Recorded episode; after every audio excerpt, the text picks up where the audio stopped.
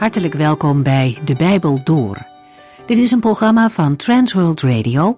U kunt ons ook vinden op internet www.transworldradio.nl. De Bijbel Door is een radioserie die in vijf jaar tijd door de hele Bijbel gaat. Van Genesis tot Openbaring, van kaft tot kaft.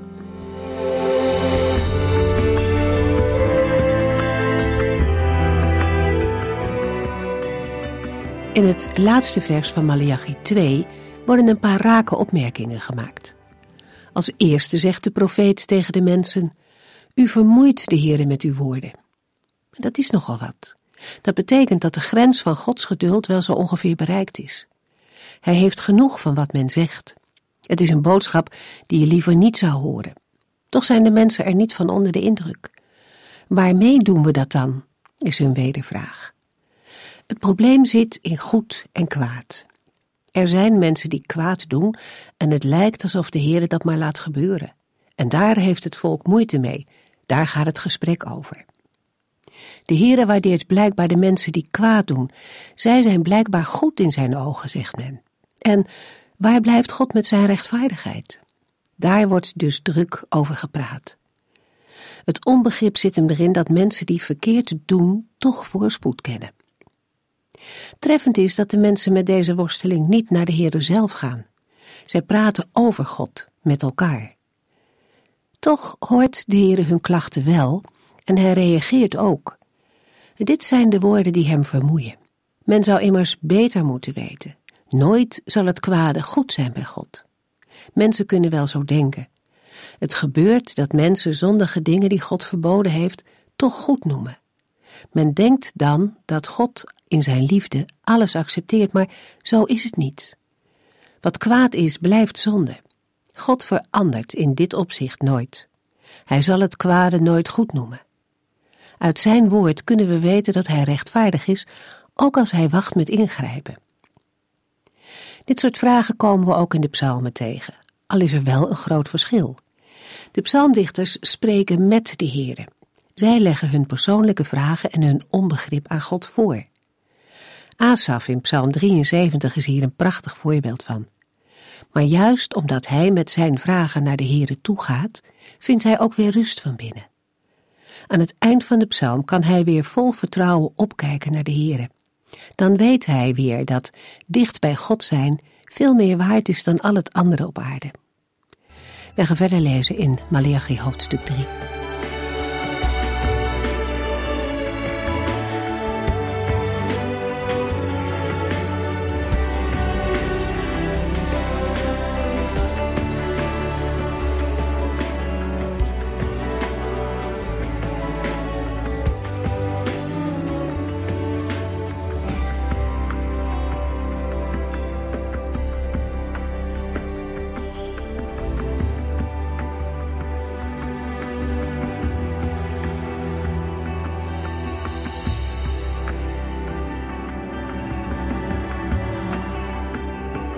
In de vorige uitzending hebben we gelezen dat de Heere vooral de manier waarop de priesters dienst deden afwees. De zonen van Levi geven een slecht voorbeeld en zullen dan ook oneervol worden ontslagen. Toen de Heer Jezus stierf van het kruis op Golgotha, scheurde het voorhangsel van boven naar beneden.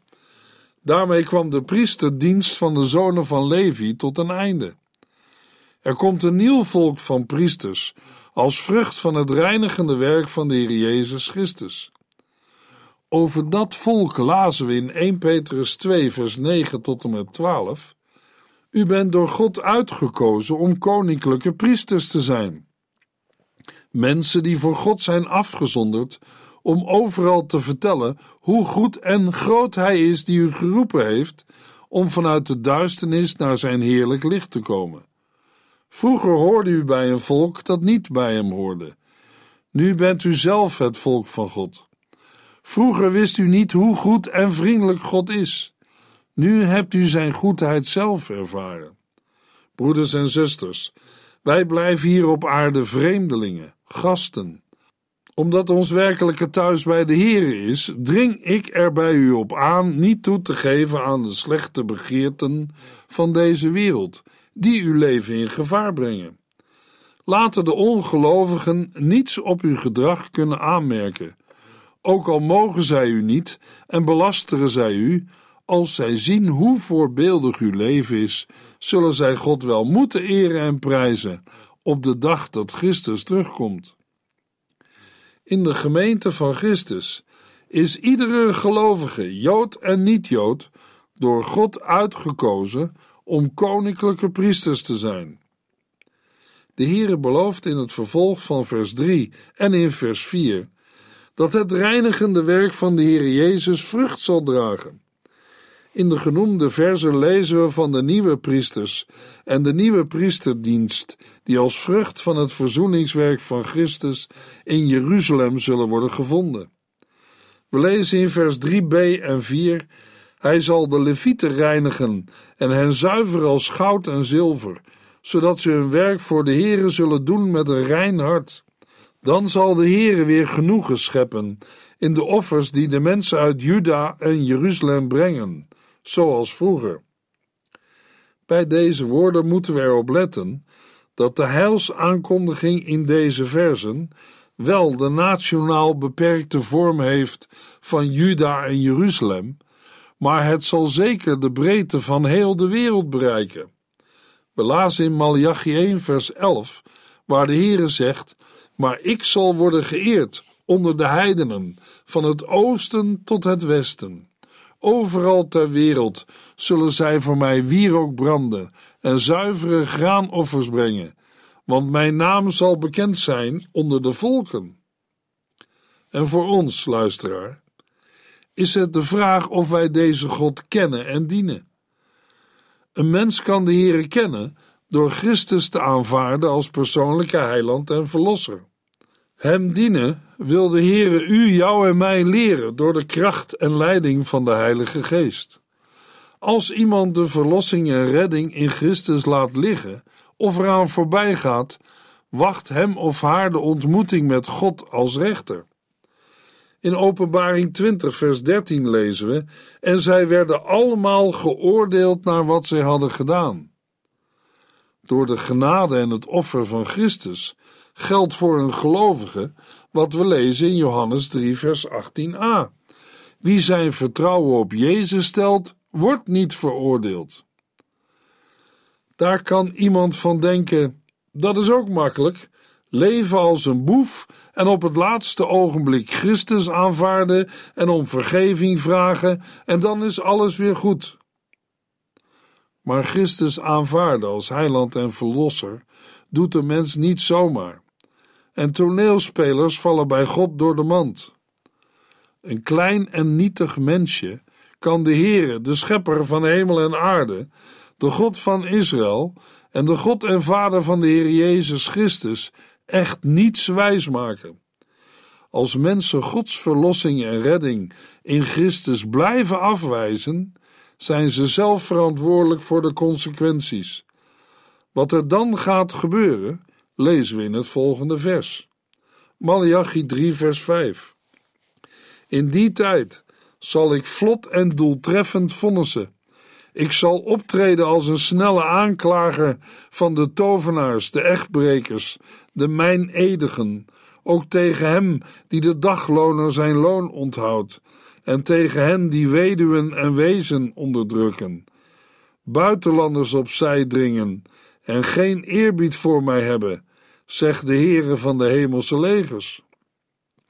Als een mens willens en wetens nee blijft zeggen tegen de genade van God, dan komt er een moment dat God vlot en doeltreffend zal vonnissen. In de woorden van vers 5 valt het op dat de Heer ineens weer in de eerste persoon enkelvoud spreekt. De Heere van de hemelse legers zegt: Ik zal optreden. Wij zullen dat wel moeten lezen tegen de achtergrond van de vraag in Malachi 2, vers 17: Waar blijft God met zijn rechtvaardigheid? Uit het Nieuwe Testament weten wij dat God de Vader het oordeel heeft overgegeven aan zijn Zoon Jezus Christus. Dat blijkt in Malachi niet zo duidelijk, maar doet aan de boodschap niets af. Nadat de Heer is gekomen om te reinigen, te zuiveren en te redden, zal er ook een dag van het oordeel van God komen. Een dag waarop de Heere van ieder mens rekenschap zal vragen van dat wat hij of zij heeft gedaan of nagelaten. De scheiding voltrekt zich tussen een mens en de zonde, als vrucht van het werk van Christus, of tussen een mens en Christus, als hij of zij zijn of haar leven niet wil verliezen en in de zonde wil blijven. We zien het beeld van een rechtszaal, waarin de Heer op de rechterstoel zit, en hij is getuige en aanklager op grond van wat hij zelf heeft geconstateerd.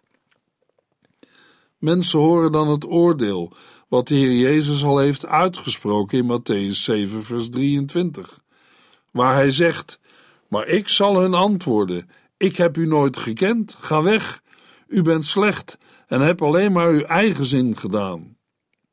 Wie die slechte mensen en zondaars zijn, wordt in Malachi 3, vers 5 gezegd, namelijk de tovenaars, de echtbrekers, de mijnedigen, ook tegen hem die de dagloner zijn loon onthoudt, en tegen hen die weduwen en wezen onderdrukken, buitenlanders opzij dringen en geen eerbied voor mij hebben.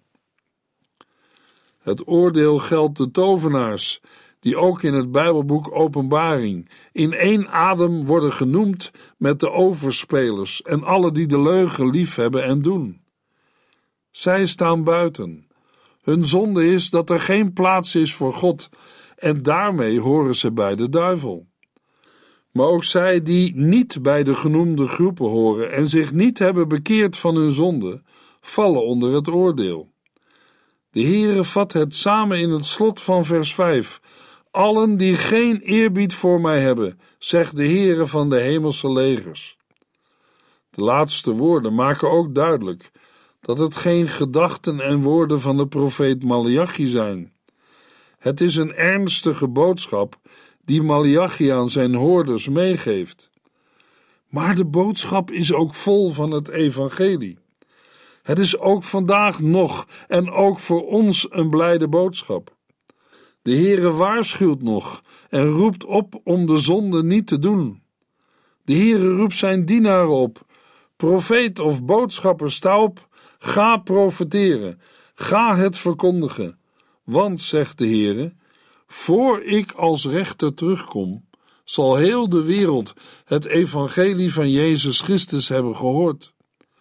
Johannes de Doper riep het volk op met de woorden: Eindelijk is het zover, riep hij. Het koninkrijk van God is vlakbij. Keer u af van de zonde en geloof het goede nieuws. En vandaag is de boodschap niet anders. Keer u af van de zonde en geloof het goede nieuws.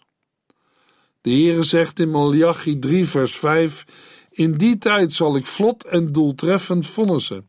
Ik zal optreden als een snelle aanklager van de tovenaars, de echtbrekers, de mijnedigen, ook tegen hem die de dagloner zijn loon onthoudt, en tegen hem die weduwen en wezen onderdrukken, buitenlanders opzij dringen en geen eerbied voor mij hebben, zegt de Heere van de hemelse legers. De Heere zal optreden tegen de echtbrekers. Door wat de Israëlieten hadden gedaan in de gemengde huwelijken, door heidense vrouwen te trouwen die afgoden vereerden, werd onder hen toverij, occultisme en aanbidding van demonen binnengebracht. Die tendens zien we ook in ons land terug om het geestelijk vacuüm te vullen, wat is ontstaan nadat velen de Heer en de kerk hebben verlaten, komt er steeds meer aandacht voor het occulte. Het is een reflectie op de leegloop uit de kerken en het falen en zondigen van kerkelijke en geestelijke leiders. De Heere die voor waarheid en eerlijkheid staat, kan geen genoegen nemen met leugenaars of mijnedigen ook tegen hen die de dagloners hun loon onthouden en mensen die weduwen en wezen uitbuiten en onderdrukken, buitenlanders opzij dringen en geen eerbied voor God hebben, loopt het niet goed af. In het algemeen kunnen we zeggen dat gelovigen niet uitkwamen voor hun geloof. Zij getuigden niet voor God. De vreemdeling in die tijd, tegen wie ze hadden moeten getuigen, keerde zich in feite van God af, vaak vanwege de manier waarop hij door Gods volk werd behandeld. Malachi 3 vers 6 Want ik, de Heere, ben niet veranderd, en daarom bent u nog niet tot de laatste man uitgeroeid, want ik blijf altijd genade bewijzen. Het vijfde gesprek tussen de Heer en zijn volk via de profeet Malachi is in feite een vervolg op het vierde gesprek. Het ene loopt in het ander over. De beantwoording van die ene vraag roept een volgende vraag op. Dat is te merken aan het woordje want, waarmee vers 6 begint. Het geeft aan dat het gesprek wordt voortgezet. Toch hebben we aan het slot van vers 5 de woorden gelezen waarmee elk gesprek wordt afgesloten, namelijk zegt de Heere van de hemelse legers. En bovendien klinkt er alweer een nieuwe vraag in vers 7. Eigenlijk horen wij in de eerste woorden van vers 6 al een onuitgesproken vraag als de Heer het gesprek inzet met de nadrukkelijke verklaring: Ik, de Heere, ben niet veranderd. Zo'n uitspraak komt niet zomaar uit de lucht vallen, want de Heere zegt iets niet zomaar. Dan zouden de toehoorders van Malachi onmiddellijk kunnen reageren met de woorden: Maar dat beweert toch ook niemand? Waarom legt de Heere deze nadrukkelijke verklaring af? Omdat Gods onveranderlijkheid, een van de goddelijke eigenschappen van de Heere, in twijfel wordt getrokken. God, die de overleggingen in de harten van de mensen kent, weet dat. Maar is de Heere veranderd? Op zich is dat geen vreemde vraag, omdat de vraag vaker voorkomt in de Bijbel. Hij wordt soms ook gesteld door Gods liefste kinderen. Een voorbeeld daarvan vinden we in Psalm 77, waar Asaf zegt in vers 11: Ik moet zeggen dat het mij groot verdriet doet dat God de Allerhoogste van gedachten verandert.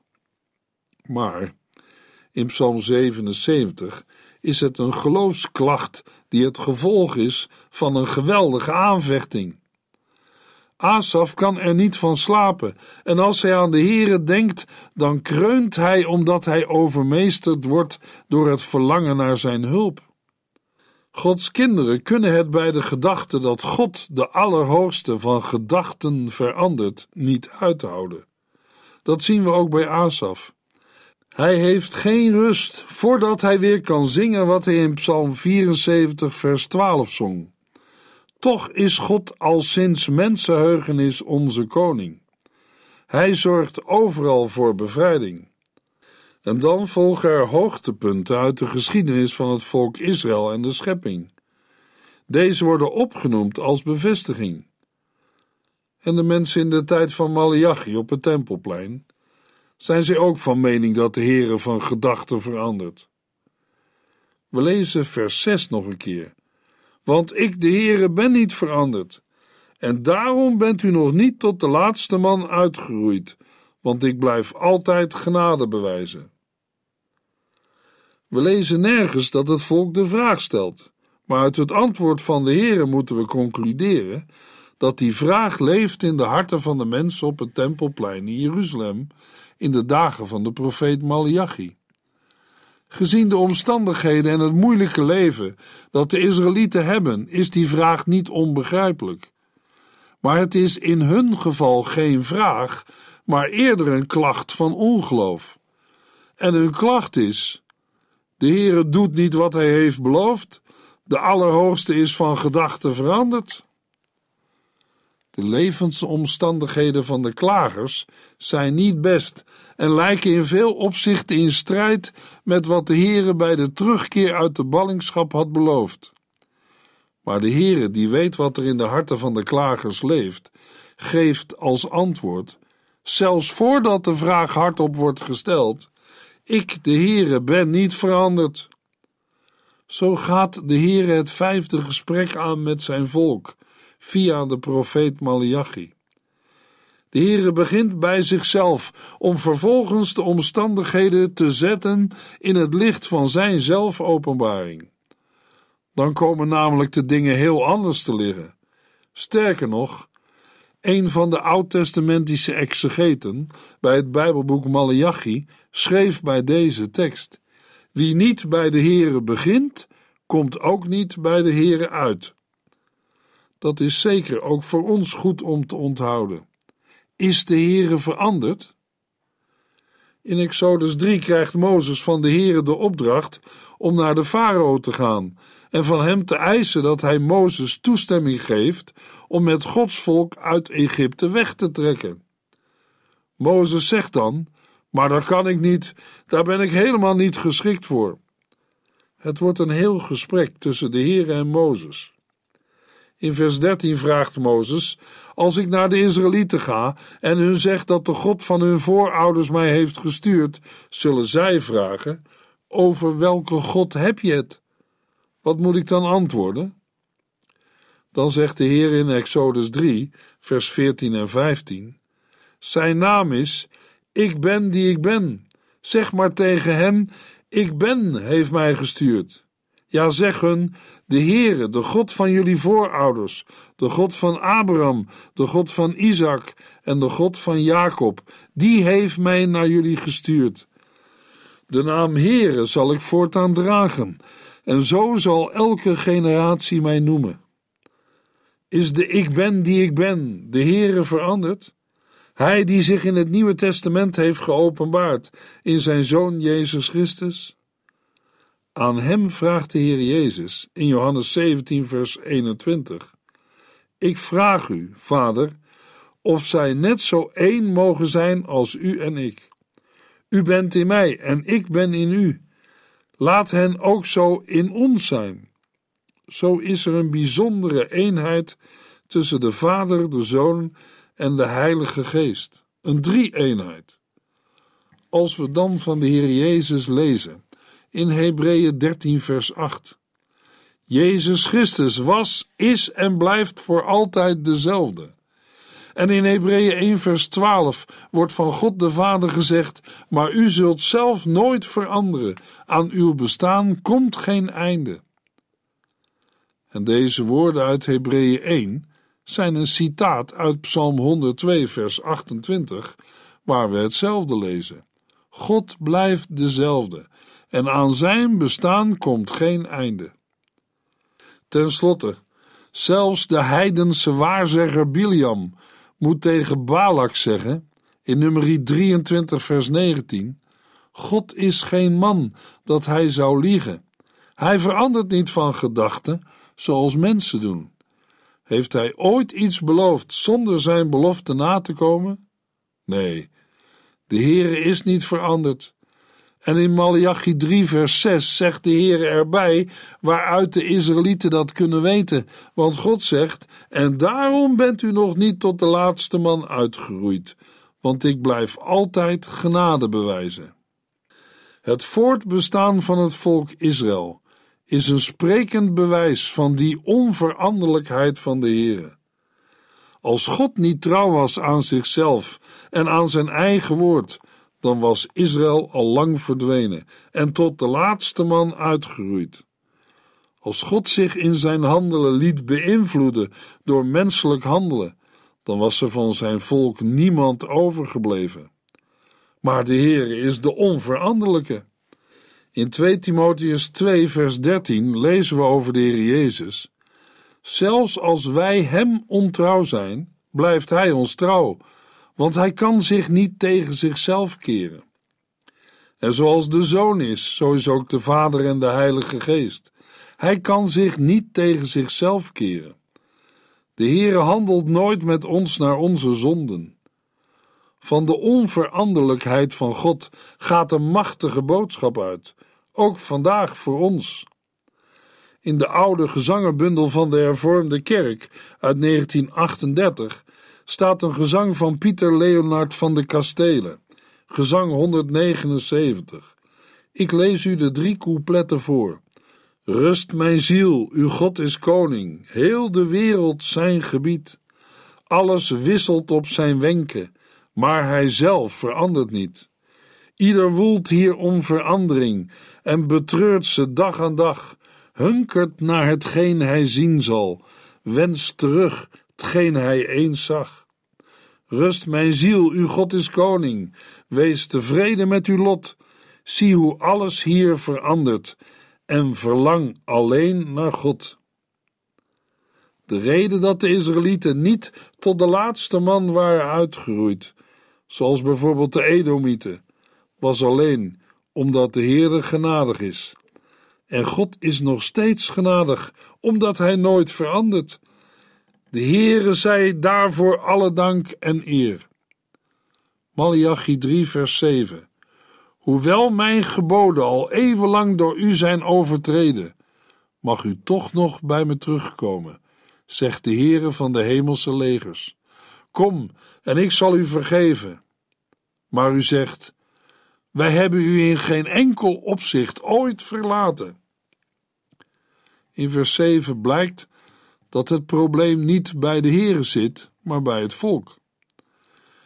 En vers 7 laat zien dat dit probleem niet iets is van vandaag of gisteren. De Heere zegt: Mijn geboden zijn al eeuwenlang door u overtreden. Zulke woorden slaan in als een bom. De mensen in de dagen van Malachi zijn nog altijd echte kinderen van Jacob, de bedrieger, die van mening is dat hij God een handje moet helpen. Maar zij lopen de Heere voor de voeten en luisteren niet naar zijn geboden. Hoort u de klacht van de Heere aan het adres van zijn volk? Het is dat God de onveranderlijke is, dat hij weet wat maaksel zij zijn en dat hij trouw blijft aan zijn eigen woord en werk. Maar anders waren zij al lang tot de laatste man uitgeroeid. Vroeger heeft Mozes in de woestijn al een paar keer zijn hart vastgehouden als Gods boosheid losbarstte over de Israëlieten. En de profeet Amos horen we in Amos 7 vers 2 roepen: Heere God, vergeef uw volk toch alstublieft. Stuur deze plaag niet. Als u zich tegen Israël keert, blijft niemand meer op de been. Israël is maar zo klein. Dat is het probleem ook na de ballingschap. Maar dan klinkt ook de boodschap van genade. U mag toch nog bij mij terugkomen. Maar daarover meer in de volgende uitzending.